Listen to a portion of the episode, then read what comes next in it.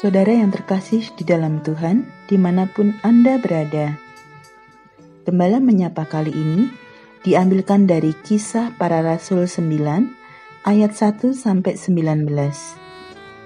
Dengan nas kisah para rasul 9 ayat 1 yaitu Sementara itu, hati Saulus masih berkobar-kobar untuk mengancam dan membunuh murid-murid Tuhan ia menghadap imam besar.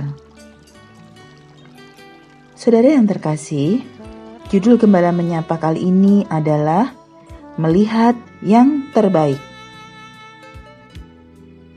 Saudara, kebiasaan banyak orang ketika menghadapi orang lain begitu cepat memberi penilaian.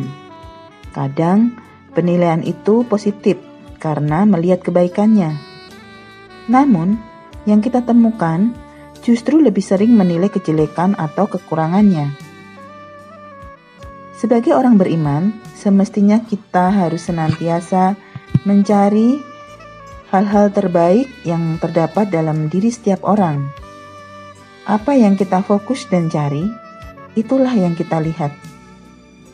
Kalau kita mencari-cari kejeleknya seseorang, pasti kita temukan jeleknya. Tapi kalau kita mencari kebaikannya, pasti kita temukan baiknya.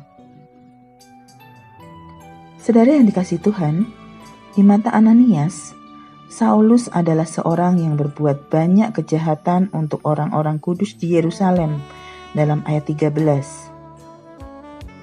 Alkitab mencatat, Saulus berusaha membinasakan jemaat Tuhan, masuk dari rumah ke rumah, menyeret laki-laki dan perempuan keluar dan memasukkan mereka ke dalam penjara. Dalam kisah para Rasul 8 ayat 1b sampai 3.